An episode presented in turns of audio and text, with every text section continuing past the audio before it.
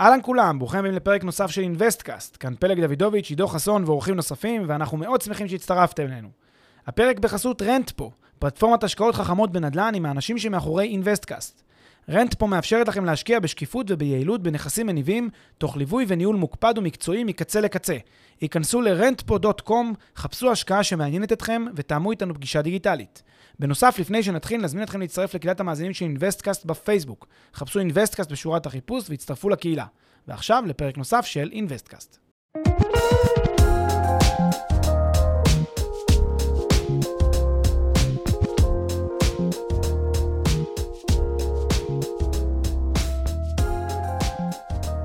שלום לכולם, אנחנו בפרק מספר 23 של InvestCast, והפעם אנחנו בפרק מאוד חשוב שאנחנו ממליצים לכם להפנות את כל מי ששוקל לעשות את הצעדים הראשונים שלו בשוק הנדל"ן אה, לפרק הזה. אה, אנחנו מתכוונים לעשות אה, סדר ולסקור בצורה סדורה, שיטתית, את כל האפשרויות שקיימות להשקעה בשוק הנדל"ן למגורים, כדי שתהיה לכם תמונה רחבה ומקיפה של כל האפשרויות. זה פרק שלמען האמת כבר לא מעט זמן מאזינים מבקשים מאיתנו לעשות אותו, וזה מתאים במיוחד, שוב, למי שרוצה לעשות צעד ראשון בעולם הזה ולקבל תמונה רחבה וכללית על האפשרויות שלו. אה, נתחיל, פלג. כן, אני רק אוסיף שזה במיוחד במיוחד מתאים לכל אותם אנשים שנתקלים כל היום במודעות הפרסומיות ולא מצליחים, אה, כן, להפריד את המוץ מהתבן, לא מצליחים לדעת בדיוק לשים את האצבע. מה מציעים לי, מה, מה עומד מולי, מה האפשרויות שלי, וכדי שיהיה להם בכלל בסיס אינטלקטואלי אה, מזערי, כדי להתחיל להתמודד עם הדבר הזה, אז אנחנו עושים סדר, אנחנו ממש ממפים בצורה מאוד מאוד סדורה עכשיו את כל האפשרויות.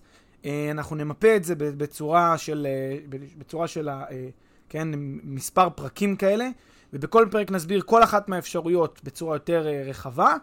אה, בסוף גם נסכם את זה, שזה יהיה גם טיפה יותר בצורה ויזואלית, כן, גרפית אם תרצו. אה, וניתן גם, פחות ניכנס למסקנות, אבל יותר ניתן קווים כלליים לאיך לנתח ומה עדיף וכאלה ואחרים. נתחיל?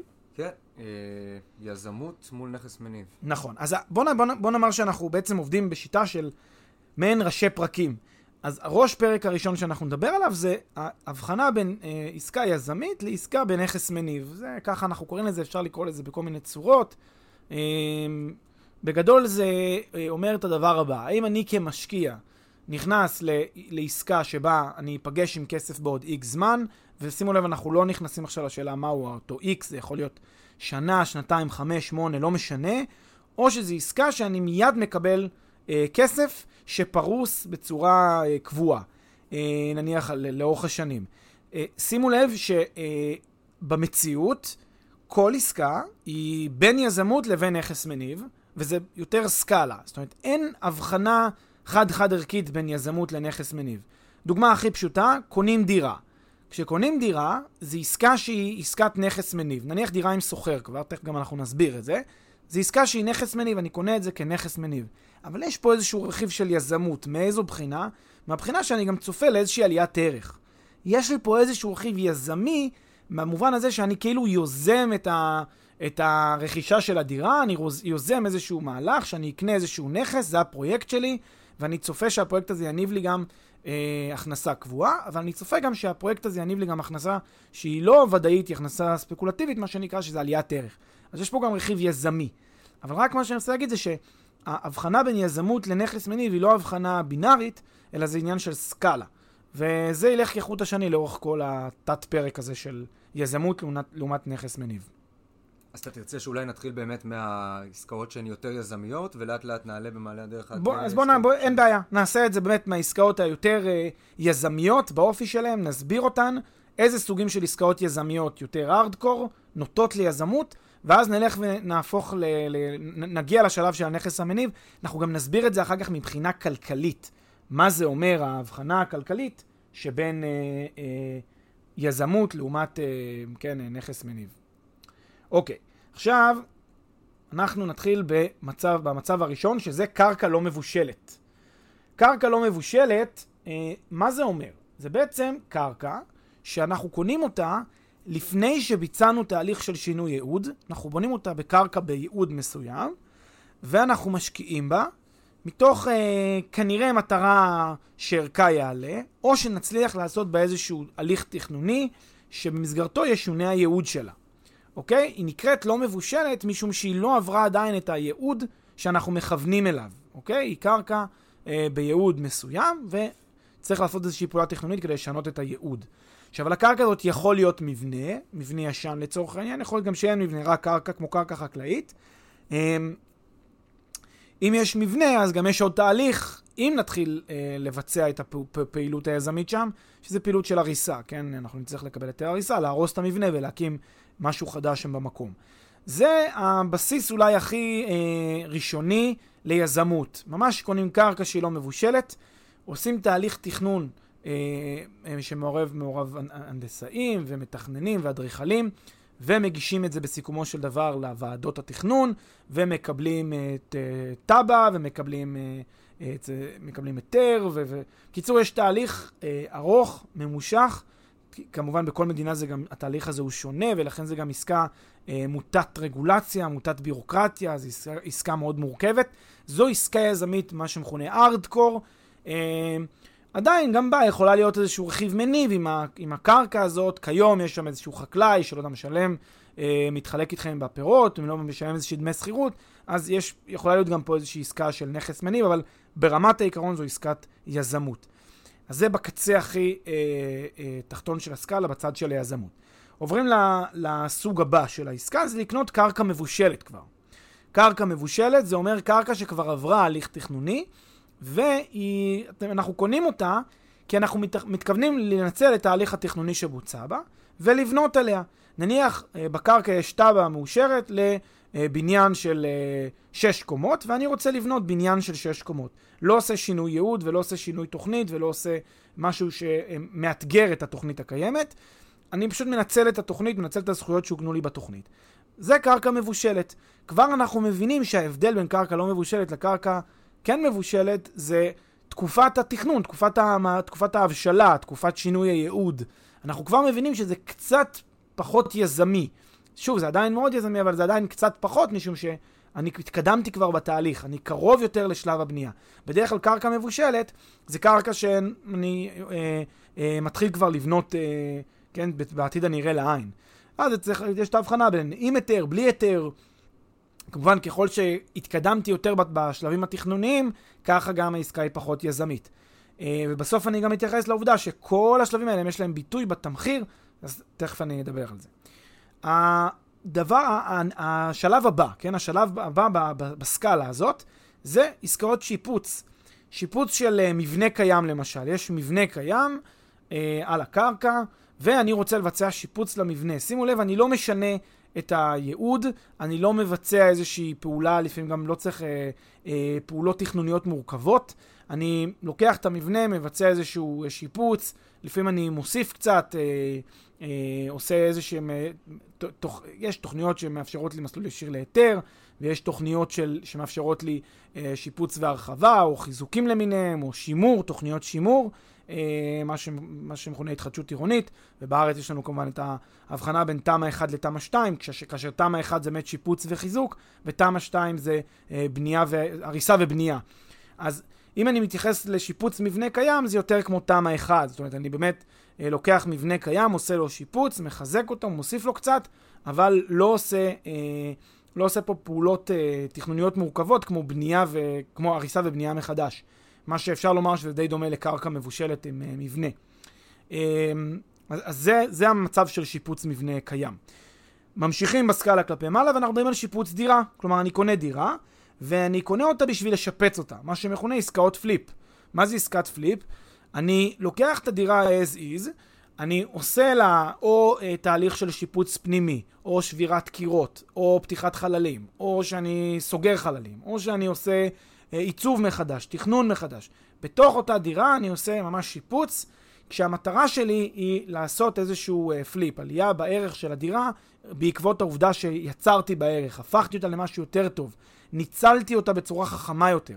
הרבה מהכסף שאני אה, אה, אה, מקבל אותו בעסקת flip, אם היא מצליחה, זה לעובדה שאני, יש לי יכולות אה, תכנון טובות יותר, עיצוב טובות יותר, אני יודע יותר טוב לנהל את הפרויקט מאדם אחר, לכן אני מקבל על זה איזשהו רווח עודף על עסקת פליפ. זאת עסקת שיפוץ דירה. זו עסקה שהיא בסקלת היזמות איפשהו באמצע. אנחנו מבינים, זו עסקה יזמית יחסית, אבל היא לא, שוב, היא לא כמו קרקע לא מבושלת, אם אנחנו משווים את זה לשם. ממשיכים למעלה. רק, רק אני אעשה סקירה עד פה. אז היה לנו קרקע לא מבושלת, אחר כך קרקע מבושלת, שיפוץ מבנה קיים, שיפוץ דירה, עכשיו אנחנו עוברים כבר לדירה על הנייר. אוקיי? דירה על הנייר, מה זה אומר? זה אומר, אני קונה דירה בשלב שבו הפרויקט עצמו נמצא עדיין במרכאות על הנייר. מה זה אומר על הנייר? זאת אומרת, על, על, על, על, על הגרמושקות, כן? הוא בתוכנית, הוא ברעיון, הוא עדיין לא נבנה. אם אני הולך לשטח, אני רואה קרקע. לפעמים אני לא אראה קרקע, לפעמים אני אראה כבר יסודות, לפעמים אני אראה כבר קומה ראשונה או שנייה. ולכן, כל זמן שאני קונה את הדירה לפני שהיא נמסרה לי, אני קורא לזה על הנייר. לפעמים כבר יש משהו שם, אבל זה עדיין אה, על, על הנייר, כי עדיין לא, אין דירה מוחשית שאני יכול ממש להיכנס אליה ולגור בה. עכשיו, חשוב להבין שגם בדירה על הנייר יש כאן אה, רמות, יש כאן שלבים. יש מה שנקרא דירות על הנייר בפרויקט שהוא לא מבושל, זאת אומרת לפני היתר. שוב, צריך uh, לחכות להיתר, ואז אני אמנם קונה רק דירה, אבל אני קונה דירה בבניין ללא היתר, אז ייקח פה עוד כמה שנים. יש דירות שהן כבר בפרויקטים מבושלים, שהם כבר קיבלו היתר, ואז uh, כבר היזם עוד מעט נכנס, נכנס לקרקע, מתחיל לעבוד, ואז יש את השלבים כבר שהפרויקט בבנייה. קומה ראשונה, שנייה, שלישית, והפרויקט הולך ועולה.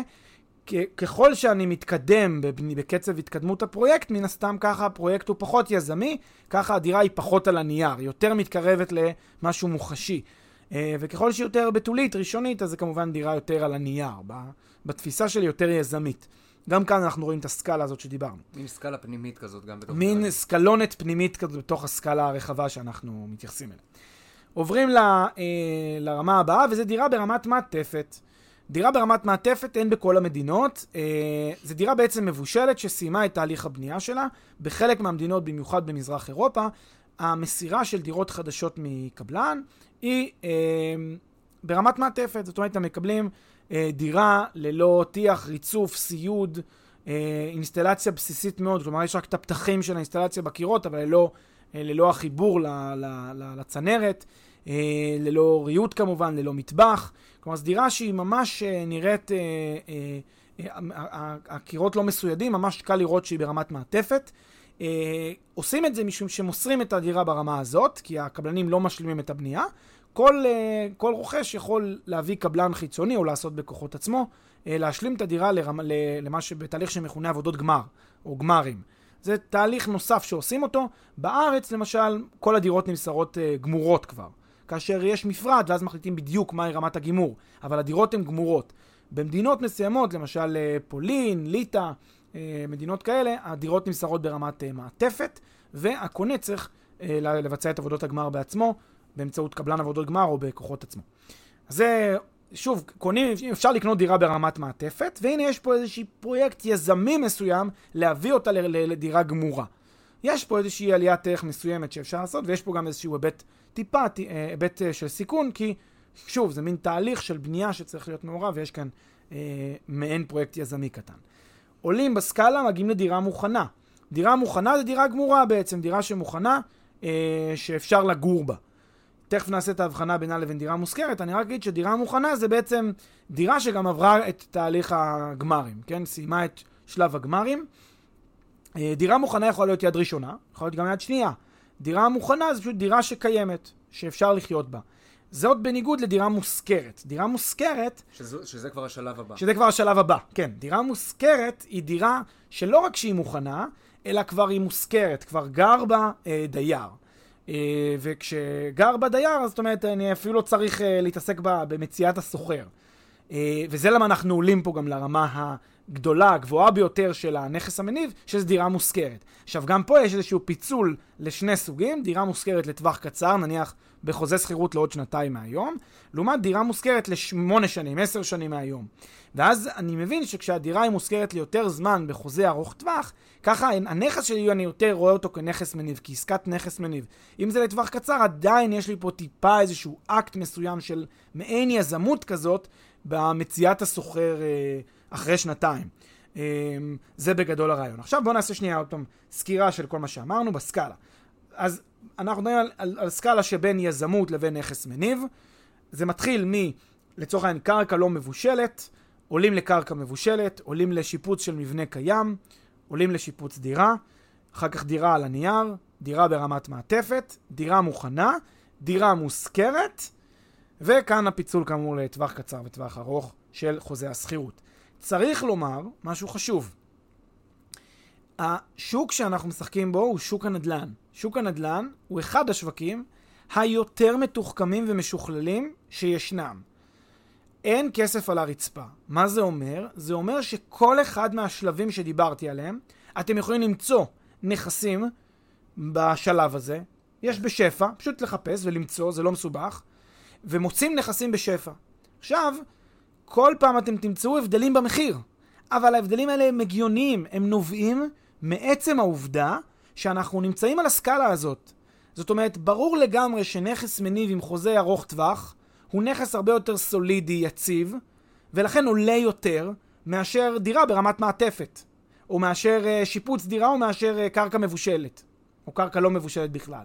בסדר? ככל שאנחנו מתקדמים בסקאלה, אנחנו נשלם יותר כסף מהכיס, ומה נקבל? פחות סיכונים, פחות סיכוני יזמות. בין אם זה סיכוני הקמה, בין אם זה סיכונים תכנוניים, בין אם זה סיכונים הנדסיים. פחות סיכונים. נשלם יותר, אבל נקבל יותר. בשוק הנדל"ן עובד טוב מאוד הכלל you get what you paid for. אין, אין מתנות חינם, לא מחכים רק לכם שתמצאו את העסקה של חייכם. גם אה, אה, מספרים סיפור על איזושהי עסקת flip מדהימה עם רווחים אדירים. יכול להיות, פה ושם זה קורה, ברוב, ברוב הגדול של המקרים לא מחכים רק לכם כקונים. יש רווח שהוא רווח יזמי, רווח יזמי מקובל לעסקאות flip. אז אתם תקבלו אותו, אבל אתם תיקחו גם באותה נשימה את הסיכון שעסקת ה flip, ה flip לא תבשיל בצורה שתכננתם. וזה בדיוק המשמעות שזאת עסקה יזמית יחסית. אז הסקאלה הזאת בין יזמות לעומת נכס מניב היא סקאלה שכדאי מאוד להכיר אותה, אה, ואתם... אה, וכשנדבר אחר כך על איך, איך בוחרים, אנחנו נדבר על איפה אתם צריכים למקם את עצמכם בסקאלה הזאת. אבל קודם כל להכיר, להכיר את, ה, את הסקאלות היטב, כדי להבין פחות או יותר מה מדברים.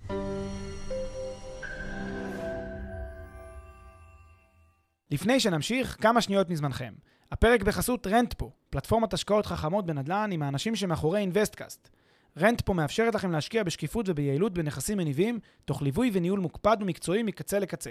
היכנסו ל-rentpo.com, חפשו השקעה שמעניינת אתכם ותאמו איתנו פגישה דיגיטלית. אז אני חושב שזה באמת, ה... סיכמת עכשיו את הציר הראשון אה, של השקעות הנדל"ן, או את הסקאלה הראשונה הרלוונטית של יזמות לעומת מניב וכל מה שבדרך, אה, או בעצם האפשרויות אה, של ההשקעות עצמן. ועכשיו בואו בוא ננסה אולי לדבר על הציר השני, שהוא הדרך להביא לידי ביטוי את ה... כלומר, לא אפשרות ההשקעה עצמה, אלא האופן שבו אפשר להשקיע בכל אחת מהדרכים האלה. כן, אוקיי, אז אה, הדרכים להשקיע מבוצעים גם כן, הנה, זה תת פרק שני שלנו, יש מספר אה, דרכים שנדבר עליהם. הדרך הראשונה היא הבחנה בין השקעה ישירה להשקעה עקיפה, אוקיי? השקעה ישירה זה אומר שאני משקיע בתור יחיד בנכס, בשוק המגורים. אוקיי? אני למשל אה, קונה קרקע, קונה דירה. קונה דירה ומשפץ אותה. אוקיי? אני רושם אותה על שמי. זו השקעה כיחיד. זו השקעה ישירה. זאת לעומת השקעה עקיפה. השקעה עקיפה זה השקעה שאני מבצע באמצעות משהו. המשהו הזה זה תאגיד. אוקיי? אני מקים חברה, אני מקים שותפות, ובאמצעותה אני אה, קונה את הנכס, באמצעותה אני קונה את הדירה. אוקיי? אז זו ההבחנה הראשונה, ההבחנה בין השקעה ישירה, שאני רשום בטאבו, אני רשום כבעלים, לעומת השקעה עקיפה, שהחברה שלי, או התאגיד שלי, רשום אה, בטאבו. אוקיי? תכף נראה שאני לא חייב לעשות את זה לבד. תכף נראה את ה... בדיוק אנחנו מגיעים לזה עכשיו, שיש השקעה כיחיד, לעומת השקעה כ... קבוצה. אז גם בהשקעה ישירה וגם בהשקעה עקיפה אפשר לעשות את זה כיחיד ואפשר לעשות את זה כקבוצה, זה רק תלוי בהחלטה, אבל קודם כל כאפשרות ראשונה יש אפשרות של השקעה ישירה, אני רשום, לעומת השקעה עקיפה, התאגיד רשום. אז, בוא, אז אולי בוא נתחיל מהשקעה ישירה וננסה לראות איך עושים השקעה ישירה כיחיד ואיך עושים אותה כקבוצה. אוקיי, אז השקעה ישירה אה, כיחיד, זה בעצם אני קונה דירה על שמי. אוקיי? השקעה כקבוצה באופן ישיר, יכולה להיות, בעצם להתפצל לשתי אפשרויות. אחד זה מה שמכונה קבוצת רוכשים, והשני זה מה שמכונה קבוצת רכישה. קבוצת רוכשים זה פשוט יחידים שהם מתארגנים כקבוצה רק מבחינת הפרוצדורה. בוואטסאפ, יש להם וואטסאפ כזה של רוכשים, והם כל אחד קונה דירה על שמו. נניח יש בניין, ויש בבניין הזה 20 דירות, ויש 20 אנשים, נכנסים לקבוצת וואטסאפ, תעשו את זה בצורה רעיונית, וכל אחד אומר בוואטסאפ איזה דירה. אני דירה 6, אני דירה 7, אני דירה 8. כל אחד רושם על שמו את הדירה שהוא קנה, רק מה הם קונים אותה ביחד, כקבוצה. ומה היתרון שזה נותן להם? זה נותן להם יתרונות מיקוח, זה נותן להם יתרון אה, ברכישה של מוצרים נלווים, זה נותן להם יתרון, לא יודע מה, אם זה, אם זה אה, דירות ברמת מעטפת, אז אחר כך מיקוח מול קבלן עבודות גמר. כלומר, קבוצת רוכשים נותן יתרון לכל אחד מיחידי הקבוצה, בהשוואה לאם זה היה יחידים נפרדים שקונים את הדירה. אבל חשוב לומר, זו השקעה ישירה. הם לא מקימים תאגיד, זה לא זה. לא זה. הם פשוט קונים כל אחד את הדירה על שמו, רק שהם עושים את זה ביחד. יש נציג והוא מייצג אותם והם מדברים ביחד, כל אחד קונה... אה, אה, ביחד, כל אחד, ב, ב, ביחד, אבל כל אחד מיחידי הקבוצה קונה דירה על שמו. זאת בשונה מקבוצת רכישה. קבוצת רכישה זה קבוצה של אנשים שקונה ביחד כקבוצה, אוקיי? אה, איזשהו קרקע או איזשהו אה, מבנה ישן כדי לשפץ אותו. ומה שיש להם בשלב שבו הם קונים זה לא זכות ישירה כל אחד בנכס עצמו, אלא יש להם חלק מסוים לפי הסכם שיתוף, שתכף נסביר מה זה, חלק מסוים בנכס הזה, אוקיי? הסכם שיתוף זה הסכם שהם עושים ביניהם, בינם לבין עצמם, שבו הם מגדירים את הזכויות וההתחייבויות של כל אחד ביחס לקבוצה הזאת. הם קבוצה יזמית כזאת, קבוצת רכישה יזמית. הם קונים את הנכס, בדרך כלל זה בשלב, לפני, לפני שהוא מבושל, קונים אותו בדרך כלל בשלב מוקדם יחסית כדי לעשות יזמות. הם, אה, כל אחד נרשם כפי חלקו בהשקעות באותה קבוצה, נניח אחד שם 100 אלף ואחד שם 200 אלף, אז הראשון יהיה 10% והשני 20% לצורך העניין, אה, מתוך השלם, ואין להם עדיין דירה על שמם, אין להם עדיין אה, נכס בבעלותם הישירה, מה שיש להם זה חלק מסוים מתוך הקרקע, חלק מסוים מתוך הנכס, מה שנקרא בעלות במושה. עכשיו, הבעלות במושה היא בעלות מכוח הסכם שיתוף, והם עושים את זה כקבוצת רכישה. אבל זה שונה מקבוצת רוכשים במובן הזה שהם לא מקבלים נכס שנרשם על שמם אה, והם פשוט סתם קונים ביחד מבחינה פרוצדורלית, אלא הם ממש קבוצה שקונה את הדבר הזה ביחד, עושה יזמות ביחד, מתחלקת ברווחים, ואולי בסוף הם גם יירשמו כל אחד כבעל דירה, אבל זה רק בשלב המאוחר יותר. זה בסוף, זה לא, ב... זה לא בשלב הראשוני. אז זה קבוצת רכישה. כל זה האפשרויות של השקעה ישירה. השקעה ישירה כיחיד בקבוצת רוכשים או בקבוצת רכישה. נכון. אוקיי. השקעות עקיפות? השקעות עקיפות. השקעות עקיפות נעשות באמצעות אה, תאגידים, כמו שאמרנו. אה, זה יכול להיות חברה בעם, זה יכול להיות שותפויות, כללית או מוגבלת. עשינו על זה פרק בפודקאסט אה, אה, לאחרונה, אפשר לשמוע אותו. אה, על בעצם צורות התאגדות אה, נפוצות בהשקעות, זה אה, פרק מעניין שמסביר באמת ההבחנה בין הצורות שדרכן אפשר לעשות השקעה אה, עקיפה. אה, וכאן יש בעצם השקעות עקיפות באמצעות תאגידים, תאגידים, אפשר לעשות את, את אותן שלוש דרכים שהרגע ציינו באותו אופן. אה, השקעה כיחיד, דרך תאגיד, למשל אני מקים חברה, אני קורא לה חברת אני בעם, והחברה הזאת קונה אה, דירה. אני יכול לעשות את זה. למה שאני אקים תאגיד ואקנה באמצעותו אה, נכס? כי אה, טעמים מיסויים בדרך כלל, או כי אני רוצה לקבל הגנות של אה, אה, אחריות מוגבלת, או הגנות אחרות שנותן לי, שנותנים דיני התאגידים, אני מעדיף להקים את זה באמצעות תאגיד ולא באמצעות החזקה, אה, ולא לעשות החזקה ישירה, אלא מעדיף את זה ככה. אז זה הסיבה שאני אקים תאגיד ואחזיק דרך התאגיד בנכס. אפשרות אה, נוספת זה לעשות, אה, כן, אפשר תאורטית גם קבוצת רוכשים שקונה דרך תאגיד, שזה נפוץ מאוד בגרמניה למשל. אה, בגרמניה מאוד נפוץ שאין, אה, הנכסים שלנו לא עברו תהליך של פרצול, פרצלציה, ואז קונים בניינים ישנים, נניח בברלין, בערים כאלה ואחרות. הבניין הוא בניין גדול, שלא עבר פיצול לתתי חלקות, ואז מה שעושים, מקימים איזשהו תאגיד, בדרך כלל זה גם בהש, שזה חברה בעם בגרמניה. החברה בעם הזאת, כל אחד מהיחידים הוא רוכש, זה קבוצת רוכשים, לא קבוצת רכישה, וזה, וזה הבדל חשוב. כל אחד מהם מקבל זכות בתאגיד הזה. מה שעושה התאגיד, הוא קונה את הבניין. הבניין נרשם על שם התאגיד. התאגיד ביחד הולך לרשויות והוא מבצע תהליך פרצלציה. זה בדרך כלל תהליך שלוקח מספר חודשים. בתום התהליך הזה, אוטומטית כל אחד מיחידי התאגיד מקבל את הדירה על שמו. אוקיי? זאת אומרת, הם קונים ביחד את הבניין, כל אחד כפי, כפי עלות כל אחת מהדירות שם, ואחרי התהליך הזה הם נרשמים כבעלים. זה בעצם זה קבוצת רוכשים שקונה אה, דירה, כל, אחת, כל אחד קונה דירה על שמו, רק שאי אפשר לעשות את זה מבחינה, אה, אה, כן, פרוצדורלית באופן מיידי, ולכן מקימים איזשהו תאגיד. אז אפשר לומר שזה קבוצת רוכשים בהשקעה עקיפה, בטח בשלב הראשוני. מאוחר יותר זה הופכת להיות פשוט החזקה ישירה של כל אחד מה, מהרוכשים, כן? זה ברור? ברור לגמרי. אוקיי. אפשר לעשות גם קבוצת רכישה באמצעות תאגיד, פשוט קבוצה של uh, יזמים מקימה חברה, uh, החברה הזאת עושה את הפרויקט היזמי, וכל אחד uh, משתתף בעלויות ומתחלקים ברווחים, זה קבוצת רכישה. זה דומה, אך שונה ממה שמכונה קרן השקעות, אז בואו נסביר רגע מה... רגע, אז בואו בוא נעשה איזה הפרדה. Okay. אתה אוקיי. אומר השקעות ישירות, השקעה כיחיד, קבוצת רוכשים, קבוצת רכישה, כל אחד מהאופנים האלה אפשר לעשות אותם גם כהשקעה עקיפה באמצעות הקמה של איזושהי ישות משפטית, אה, או תאגיד, למעשה תאגיד, שותפות אה, וכיוצא באלה. אה, וחוץ מזה יש עוד אופציה להשקעה עקיפה, שזה באמצעות קרן.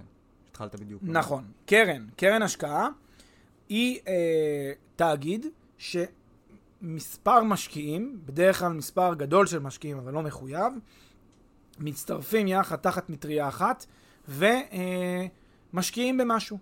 כאן צריך לפצל בין קרנות השקעה שעושות קרנות אה, equity financing, לעומת קרנות שעושות debt financing, אוקיי? קרנות שמשקיעות בהון המיזם, לעומת קרנות שמשקיעות בחוב.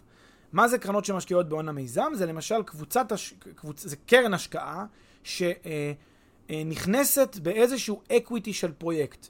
נניח מארגנים איזשהו בנק שנותן משכנתה לפרויקט הזה, יש את היזם, הוא מקבל, הוא עושה את ה, את ה... הוא בונה בעצם את המודל העסקי של, ה, של המיזם הזה, מתקשר עם איזשהו בנק, מקבל מימון, ואז הולך ומחפש אה, משקיעים שייתנו, אה, בעצם יממנו את ההון העצמי של הפרויקט. אז הוא מקים קרן השקעה, קרן ההשקעה נכנסת ברובד ה equity של הפרויקט, והם משקיעים ככה במיזם. זאת השקעה הונית. רגע, אז רק שאני אבין את זה. כן. קרן השקעה ב equity, זה אומר יזם שרוצה לעשות איזה פרויקט, כמו שאמרת, אז קודם כל הוא הולך לבנק, מקבל X מהכסף שהוא צריך, כן? ואת היתר הוא מנסה, כלומר הפער בין מה שהוא צריך כדי להביא את הפרויקט הזה לידי מימוש, לבין מה שהוא מקבל מהבנק, הוא מנסה לממן באמצעות משקיעים פרטיים, קטנים יותר. לנסות להרכיב איזה קרן שתיכנס בדיוק בפער שבין המימון שהוא קיבל מהבנק לבין כמה שהוא צריך בקצה, ולמעשה עושה סוג כן, של הלוואת בעלים. נכון. כלומר, ב equity. אבל כן. מכניס לו, זה לא הלוואת בעלים, זה פשוט מכניס בחלק של ה equity קבוצה של משקיעים שישקיעו יחד איתו, לפעמים גם יש לו כסף בעצמו. נניח, אם אנחנו רוצים לעשות את זה מספרית, נניח קיבלנו מהבנק 70% וליזם יש 10%, אז הוא יחפש עוד 20% שימומנו על ידי משקיעים פרטיים על דרך של אקוויטי. זאת אומרת, הם ייכנסו איתו שותפים במיזם, הם יירשמו יחד איתו באותו תאגיד שהוא הבעלים של המיזם הזה. כבעלי מניות. כבעלי מניות או כמחזיקי יחידות השתתפות במיזם הזה, והם אה, ישקיעו ביחד איתו במיזם הזה, ב equity של המיזם. זאת, זה בעצם עסקת equity. שים לב, לא חייב להיות כאן אה, אה, מימון בנקאי. גם דיברנו על זה בפרק, אני חושב, של אה, אה, צורות מימון בהשקעות. אה, לא חייב להיות מימון בנקאי, גם יכול להיות 100% שעושים עסקת equity 100%, קונים פשוט אה, קרן, אה, קבוצה של אה, משקיעים, קונה יחד ועושה יזמות בלי מימון בנקאי. זה קורה, פחות נפוץ, אבל זה קורה. זה אפיק ראשון. אפיק שני של קרן זה חוב, debt financing, זאת אומרת נותנים מימון לפרויקט. כאן המשקיעים, הם משקיעים בשוק המגורים אמנם, אבל זו השקעה כן פיננסית בשוק המגורים. הם מעין מלווים לשוק, ל, ליזם שפועל בשוק המגורים. אה, זה בעצם הלוואה שנותן משקיע לחברה, לתאגיד, שאותו תאגיד הוא הבעלים של מיזם, והתאגיד הזה מקבל מימון בנקאי למיזם, נניח 70 אחוז, התאגיד הזה מכניס 10% מההון העצמי שלו, ואז 20% נוספים שחסרים לו, הוא מביא ב... כן, הלוואת מז. זה נקרא הלוואת מזנין, שהוא מביא בעצם ממשקיעים חיצוניים. נהוג לעשות את זה באמצעות קרן, שזה תאגיד, והתאגיד נותן את ההלוואה הזאת ל, אה, ליזם בעצם, ל, ל, למיזם, בדרך של debt financing, בדרך של מימון חוב. אוקיי? זאת קרן השקעה, שאופ, שצורת ההשקעה היא לא צורה של הון, אלא צורה של חוב. אני רק אגיד במילה על ההבדל כאן מבחינת אה, יחס סיכוי סיכון. בהשקעה הונית, אני ב upside וב downside. זה אומר, אם אני נכנס ב, ב, עם היזם, נניח, אה, לצורך העניין, היזם שם 10%, אני שם 20% והבנק 70%, אנחנו בחלק, ה-30% שלנו, של היזמים, זה החלק היזמי. אם הפרויקט מצליח, אנחנו מרוויחים תשואה יזמית נפלאה וכולם מרוצים. אם, כמובן שאנחנו צריכים, אה, לפי הוראות אה, הסכם הניהול מול היזם, הוא יקבל אולי יותר, הוא יקבל פחות, לא יודע, תלוי מה שכתוב בהסכם הניהול עם היזם, אבל בגדול, אם יש איזושהי הצלחה, אנחנו נהנים מאוד, גם הוא נהנה מאוד, היזם, וזה אה, המצב כשיש upside, אבל גם יכול להיות downside, אם הפרויקט לא מצליח, אז אנחנו, כן, הכסף שלנו עשוי לרדת לטמיון, חלקו, כולו, בעקבות כישלון הפרויקט. אה, אז, equity financing זה equity בחלק היזמי, equity יחסית אה, מסוכן. מה זה debt financing, אה, שכמו שאמרנו קודם? היחס סיכוי סיכון קצת יותר מאוזן, במובן הזה אני נותן הלוואה ליזם, בדרך כלל מה שאני אקבל זה איזושהי בטוחה מדרגה שנייה, מה שמכונה חוב נחות, אני נותן, נותן uh, ל, ליזם כסף, אבל הבנק הוא ראשון בסדר הנשייה, הוא יקבל ראשון את ההגנות, אני אקבל שני את ההגנות, אז אני שני בסדר הנשייה. אמ, והיזם אחריך. והיזם אחרון, כן, היזם הוא בדרך כלל אחרון במקרה הזה, אבל נתתי הלוואה לפרויקט, אז לפחות מה שיש לי את, ה, את הבטוחה החוזית הזאת מול היזם, שהוא מתחייב כלפיי לשלם לי סכום כסף קבוע מראש בהתאם להסכם ההלוואה. אז בעצם זו עסקת הלוואה שיש לי מולו, והוא צריך לשלם לי אותה. כאן, ב, ב, אז אני טיפה יותר רגוע. אבל uh, אין לי את האפסייד, שזה, ה, שזה, שזה ה, מה שאני מפספס פה. אין לי את העליות, אם, אם העסקה הצליחה והכל עבר מעולה, אני מקבל רק עד גובה ההלוואה שנתתי. רק את ההחזרי ריבית שמגיעים לי, אז אני לא, לא משתתף איתו ממש ברווחים עד הסוף. כן, היא, uh, זה הולך, כן, לסיכוי סיכון, מן הסתם. Um, עוד דבר שהייתי אומר בתור דרך להשקיע, זה גם הנושא של uh, ריטים. יש הרבה, אני לא רוצה להיכנס לכל זה, אנחנו גם דיברנו על זה קצת בפרקים אחרים. אבל ריטים זה סוג מסוים של אפיק שבו קונים צבר נכסים, קונים פורטפוליו של נכסים דרך איזושהי חברה שהיא חברה ציבורית, גם זו דרך להשקיע בשוק המגורים. Uh, יש איתה בעיות, היא לא בהכרח uh, מתאימה לכל אחד, אבל uh, היא קיימת uh, בהחלט, זה פשוט דרך להיות חשוף לשוק המגורים, על הדרך הכי קרובה ל, ל, לעסקה פיננסית, כן? ממש בבורסה עושים את זה. אוקיי, אז איך, אה, אז, אז אם תיארנו איזה מין שני צירים כאלה, אני אתאר אותם, של אה, אה, מידת, כן, מידת היזמות שיש בפרויקט, בין קרקע לא מבושלת, מה שקראת, לבין דירה מושכרת לטווח ארוך, נגיד בקצה השני, והדרכים השונות להשקיע בין השקעה כיחיד, ישירה, לבין השקעה בקרן, כן, או, או, או השקעות עקיפות אחרות. איך בוחרים גם את הדרך להשקיע וגם את במה, במה להשקיע? כן, אז ככה. כמו שחילקת את זה בצורה נכונה בין אה, אה, סקאלה אחת שהיא סקאלה של רמת הסיכון, או מידת ה... כן, יזמות, או מידת הסולידיות, העובדה שזה נכס מניב, אה,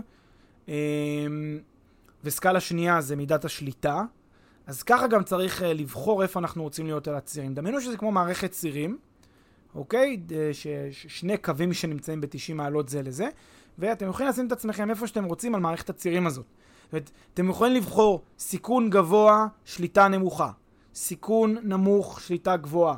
בעצם מטריצה כזאת של ארבע אפשרויות, שהיא כמובן, הכל זה סקאלה, זה לא בינארי, אבל זה נקודות מסוימות לאורך הצירים האלה, ואתם יכולים לבחור איפה אתם רוצים להיות. אם אתם מעדיפים שליטה, למשל, נמוכה, ואתם מעדיפים רמת סיכון נמוכה. זאת אומרת, אתם משקיעים סולידיים שמעדיפים להיות פסיביים. במצב כזה אפשר לקנות דירה להשקעה. דירה מבושלת, דירה מוכנה, עם סוחר להשקעה, הנה יש לכם עסקה, אחלה עסקה סולידית, מישהו מנהל לכם את זה, אתם לא צריכים לדאוג. אם לעומת זאת אתם רוצים יותר שליטה, אז אתם אה, יכולים להיות יותר מעורבים בניהול, אה, אתם יכולים להיות יותר, אה, להשקיע בצורה ישירה, לא דרך איזושהי קרן, ולא, ולהיות יותר מעורבים בניהול, ולהחזיק בדירה על שמכם. אם אתם רוצים עסקה יותר יזמית, יותר מה שמכונה פחות סולידית, יותר מסוכנת, עם תשואה יותר גבוהה, פוטנציאל תשואה, ואתם עולים בסקאלה, או יותר נכון יורדים בסקאלה לכיוון העסקה היזמית. אז תקנו דירה לא משופצת ותעשו שיפוץ, תנסו עסקת פליפ. אם אתם מחפשים עסקה שהיא אה, יותר יזמית, תקנו קרקע מבושלת ותנסו אה, לארגן אה, קבוצה שתעזור לכם לבנות את זה. זאת אומרת, כל נקודה שאתם רוצים להיות בה, אתם יכולים, כי שוק הנדל"ן באמת מאפשר לכם את כל, ה, את כל המגוון הזה, את כל המרחב הזה. התייחסנו לזה פעם, והייתי רוצה גם להגיד על זה מילה, רוב האנשים, במיוחד במיוחד משקיעים מתחילים בשוק הנדל"ן, ההמלצה שלנו אליהם היא ללכת אל הכיוון היותר סולידי, אל הכיוון שבו יש להם uh, יותר שליטה ואל הכיוון היותר סולידי. זה uh, בדרך כלל לא כדאי ללכת לעסקאות בשלב הראשוני שהן עסקאות יזמיות. אנשים נוטים, אחת הבעיות שהם עושים את זה, וגם טיפה התייחסנו לזה פעם, זה שהם לא מבינים את המשמעויות האמיתיות של ההשקעה, הם לא מבינים את הסיכונים המשמעותיים. זה לא שהם אוהבי סיכון גדולים, אלא הם עדיין שונאי סיכון, אבל הם פשוט אה, נמשכים ל, ל, ל, כן, לסיפור היפה שמסופר להם, או שהם נותנים אמון גבוה, או שהם מחצינים, כל מיני דברים שהסברנו בפרק על, על הסיכונים ועל על שנאת סיכון. אז ההמלצה שלנו דווקא במיוחד למאזינים של הפרק הזה, אה, לקחת את זה באיזי, בוודאי בהשקעות הראשונות. לא אה, לנסות אה, לעשות רווח מהיר, כמו שהרבה אנשים חולמים. כל הסיפורים הללו על רווח מהיר, צריך לקחת אותם בערבון מוגבל. אם אתם אה, כן מכוונים לרווח מהיר, אז כמובן תיקחו איתכם אנשי מקצוע טובים שאתם יכולים לסמוך עליהם, ותקוו מאוד שאתם אה, אה, יכולים לסמוך על עצמכם, מה שעוד לא ניסיתם, אה, שאתם תדעו לעשות את זה כמו שצריך. ולכן, בגלל שזה קצת יותר מסוכן, אנחנו נמליץ באמת ללכת על הבטוח יותר, אה, בטווח הקצר לפחות, ללמוד, להשתפשף קצת, שנתיים, שלוש, ואז תוכלו לשחק במגרש של הגדולים. ו...